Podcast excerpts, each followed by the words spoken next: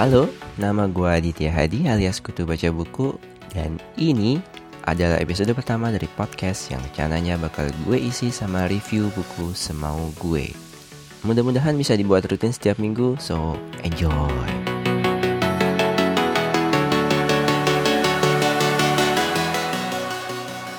Di episode pertama ini, gue akan nge-review sebuah buku yang berjudul Artemis Buku ini dikarang oleh Andy Weir yang sebelumnya terkenal banget dengan buku The Martian. The Martian sendiri mungkin udah banyak dari kalian yang tahu. Buku ini udah diadaptasi jadi film dengan judul yang sama, dibintangi oleh Matt Damon, Jessica Chastain, Chiwetel Ejiofor, Kate Mara, dan Jeff Daniels. Sedikit disclaimer, gue belum baca atau nonton The Martian. Jeng jeng. Gue cuma pernah nonton film semi dokumenter tentang Mars buatan National Geographic yang waktu itu dibikin hampir bersamaan dengan keluarnya film The Martian dan itu keren banget. Banyak reviewer di luar sana yang coba bandingin The Martian sama Artemis. Bahkan teman-teman gue sendiri juga ada nanya, Dit, bagusan mana sih The Martian sama Artemis? Tapi sorry guys, I cannot do that. Artemis sendiri bukan sequel dari The Martian. The Martian ini menceritakan kisah manusia yang berusaha membuat peradaban di Mars. Sedangkan Artemis menceritakan sebuah kota di bulan.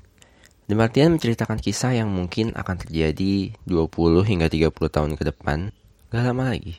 Tapi kota di bulan seperti Artemis, mungkin perlu waktu lebih lama dari itu. Tokoh utama The Martian adalah Mark Watney, sedangkan di Artemis kita punya Jasmine Bashara atau yang bisa dikenal dengan nama Jazz. So, kalian sebenarnya bisa baca Artemis tanpa perlu baca The Martian sebelumnya. Demikian juga sebaliknya.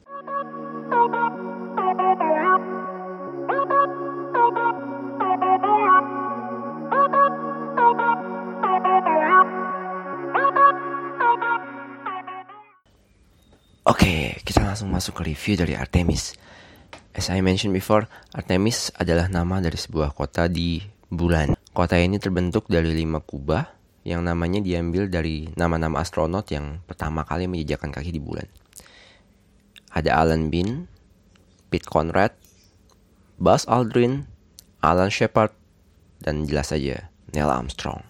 Selain kubah-kubah tersebut, Artemis juga dilengkapi dengan sebuah aluminium smelter Kenapa warga Artemis butuh oksigen dan smelter tersebut bisa memenuhi kebutuhan oksigen seluruh warga Artemis sepanjang masa. Kemudian ada juga lokasi wisata tempat mendaratnya Apollo 11 yang dikendari oleh Neil Armstrong dan Buzz Aldrin. Jaraknya 40 km dari kota Artemis. Dan untuk sampai ke tempat-tempat lain di luar kubah-kubah tadi, mereka harus naik kendaraan mutakhir yang namanya kereta. Di kota itu hiduplah tokoh utama kita yang bernama Jasmine Bashara. Yang tadi gue bilang dia bisa dipanggil Jess, Z-nya 2. Dia adalah wanita berusia 26 tahun yang sebenarnya lahir di Saudi Arabia. Diceritakan bahwa Jess ini adalah seorang cewek yang pintar, seksi, punya jiwa pemberontak, suka semaunya sendiri, ngomongnya belak-belakan, tapi sebenarnya punya hati yang baik. Sejak umur 6 tahun, ia telah diajak oleh ayahnya, Amar Bashara, untuk hijrah ke Artemis. Ibunya diceritakan meninggalkan Jazz ketika ia masih kecil. Karena lokasinya yang ada di bulan, hanya orang-orang super kaya aja yang bisa tinggal di Artemis. Orang-orang kelas menengah ngehe kayak gue bisa nabung cukup banyak uang cuman buat wisata ke Artemis kali seumur hidup mungkin. Tapi sebagai sebuah kota, Artemis tentu memerlukan pekerja untuk jadi maintenance, pesuruh, membantu, dan lain sebagainya. Karena itu, mereka juga perlu orang-orang rendahan dari bumi untuk diterbangkan ke sana. Dan ayahnya Jess, yang ahli banget soal pengelasan, termasuk dari orang-orang rendahan itu. Novel ini mengambil sudut pandang dari Jess sendiri, jadi orang pertama. Dari penjelasan Jess, kita bisa tahu perbedaan hidup di bumi dan di Artemis, alias di bulan. Di Artemis, keberadaan benda yang mudah terbakar alias kontraben amat sangat dilarang. Kenapa? Karena kesalahan sedikit aja bisa bikin seluruh kota terbakar. Karena itu setiap gedung biasanya punya fitur kedap api, sehingga kalau ada kebakaran nggak menjalar ke gedung-gedung lain. Untuk menyelamatkan penghuni di dalamnya, mereka biasanya bikin semacam bunker yang disebut air shelter. Jadi kalau ada kebakaran, orang-orang bisa berlindung di shelter tersebut dan baru bisa keluar ketika api padam. Aturan tentang kontraben justru dimanfaatin oleh tokoh utama kita, Jazz, untuk dapat pendapatan. Ia akhirnya menyelundupkan barang-barang kayak rokok, kolek, dan lain-lain ke dalam Artemis.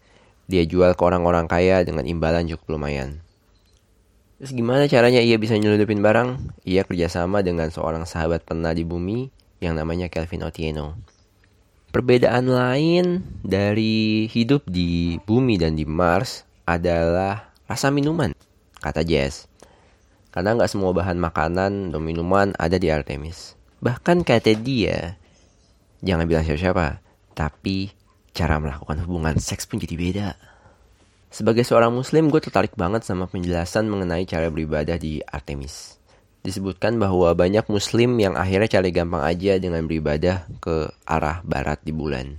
Sebagaimana yang biasa mereka lakukan di bumi. Tapi sebagai muslim yang taat, ayah Jess justru kepengen bikin semacam kayak tempat sholat khusus gitu. Jadi kalau di bumi, bulan emang terlihat bergerak dari timur ke barat setiap malam. Tapi kalau di bulan, bumi itu katanya selalu tetap berada di posisi yang sama. Karena itu, ayah Jess memutuskan bikin tempat sholat yang berbentuk undakan dengan kemiringan sekitar 70 derajat. Jadi undakan itu lebih menyerupai kayak dinding. Jadi kamu bisa sholat dengan menghadap ke langit. Aneh memang. Hal lain yang gak kalah menarik dari Artemis adalah sistem ekonominya. Mereka di sana nggak kenal mata uang, tapi semua orang bisa bertransaksi dengan satuan yang namanya slug, yang merupakan singkatan dari satuan berat yang namanya soft landed grams. Begini asal usulnya. Setiap kali akan pergi ke Artemis, semua orang bakal dapat semacam kuota berat barang yang bisa kita bawa ke sana. Ya, kayak kuota bagasi lah yang kita bayar ketika kita akan terbang dengan pesawat. Tapi akhirnya nggak semua orang pakai kuota tersebut. Jadi sisa dari kuota tersebut akhirnya menjadi alat tukar untuk jual beli barang. Terus transaksinya gimana? Mereka punya yang namanya Gizmo. Semacam smartphone yang ada NFC-nya dan bisa terhubung ketika didekatkan dengan perangkat lain. Ya bayangin aja kalau kamu pakai T-Cash, tinggal deketin aja ke EDC. Semacam itu. Tapi bedanya Gizmo ini bisa digunakan untuk berbagai hal lain, kayak buka pintu rumah dan masuk-masuk ke tempat yang harus kamu kunjungi dan lain sebagainya. Oke, sekian tentang kehidupan di Artemis. Sekarang saatnya masuk ke konflik.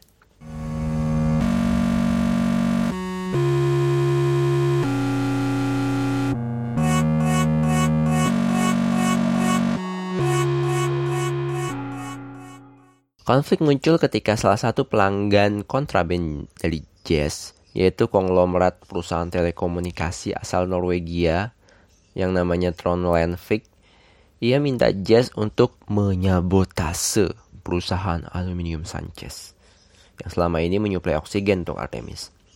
Nah, kok gitu?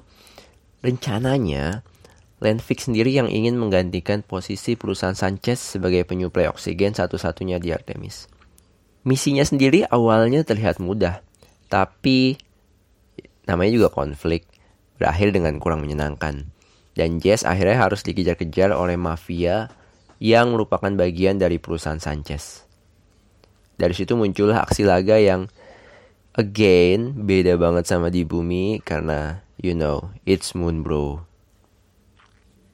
Secara umum gue suka banget dengan gaya bercerita Andy Weir di Artemis ini.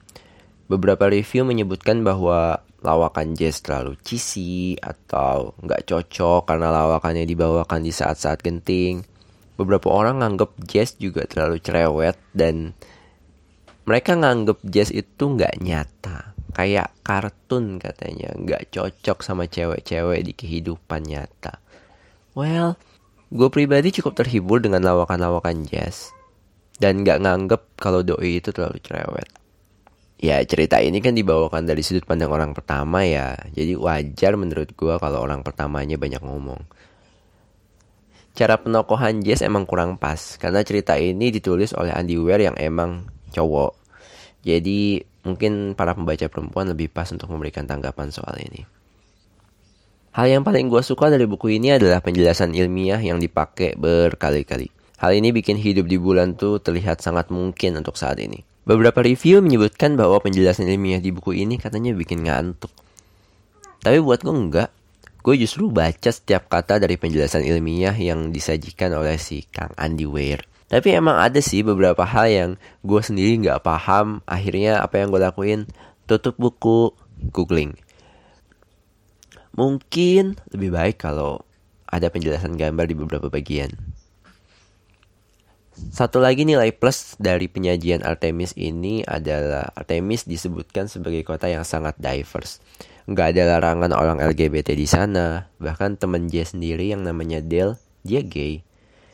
Dan akhirnya Dale ini ngerebut Kyle, cowok yang sebelumnya pacarnya Jess, dan sekarang Kyle jadi pacarnya Dale. Kompleks memang. Dan sepanjang buku gue sama sekali nggak ngomong soal potensi orang Saudi Arabia jadi teroris. Jadi so it's diverse and it's the future. Adapun soal penokohan Jazz yang katanya sedikit lemah, yang sering disebut-sebut sebagai titik kurang dari buku ini, gue ada sedikit opini. Tapi sayangnya opini ini harus nyebutin spoiler. Jadi kalau ada yang nggak mau denger spoiler, stop dengerin di sini. In the end, menurut gue Artemis ini merupakan buku yang layak banget dibaca. Penokohannya emang rada kurang, gak sekuat kayak buku-buku fiksi ilmiah lain kayak Ender's Game. Tapi gue nunggu banget kalau Andy Weir akan bikin sequelnya, karena ada yang sedikit gantung dari buku ini. Dan gue dengar buku ini juga siap difilmkan dan gue pasti gak akan tinggalan untuk nonton itu karena gue gak akan melakukan kesalahan yang sama seperti yang gue lakuin dengan The Martian. Overall, 3 over 5 star buat buku ini. Kalau kalian punya komentar, langsung aja hubungi gue di akun podcast ini atau di Twitter adheet underscore ya. Atau yang punya usul buku yang harus gue review boleh juga kasih tau gue. Oke, yang gak mau spoiler, sampai ketemu di podcast gue berikutnya. Ciao. Tapi buat yang masih mau denger, stay tune.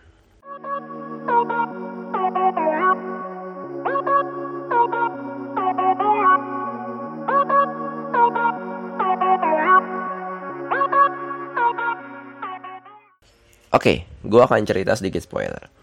Awalnya, gue juga heran banget sama kejadian Jazz yang mau-mau aja nerima permintaan si bos Lanfik cuma untuk dana 1 juta slug. Padahal Jazz ini kesannya adalah orang yang bukan mata duitan. Bahkan tawaran dari bos Lanfik ini bisa bikin Jazz meninggal atau dideportasi ke bumi.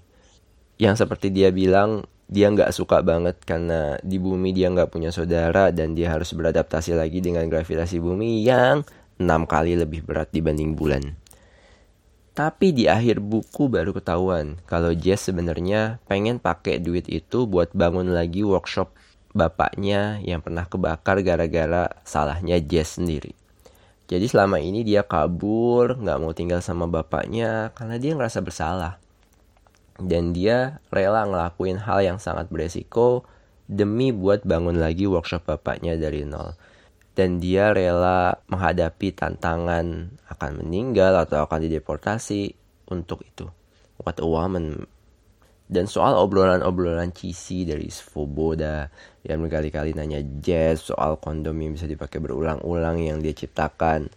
Hmm, menurut gue itu nggak cheesy sama sekali. Gue sendiri orang yang rada geek gue tahu banget bahwa cara ngomong seperti itu adalah caranya Svoboda untuk berkomunikasi dengan orang yang sebenarnya dia suka.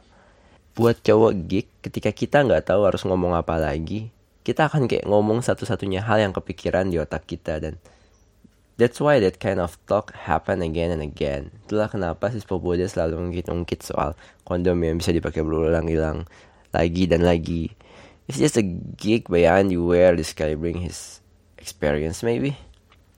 So that's from me. See you in other episode. Buat yang mau kasih komentar atau mau usul buku apa yang harus gue review, langsung aja kontak gue di kontak yang ada di deskripsi akun podcast ini. Oke, okay, that's all. Ciao.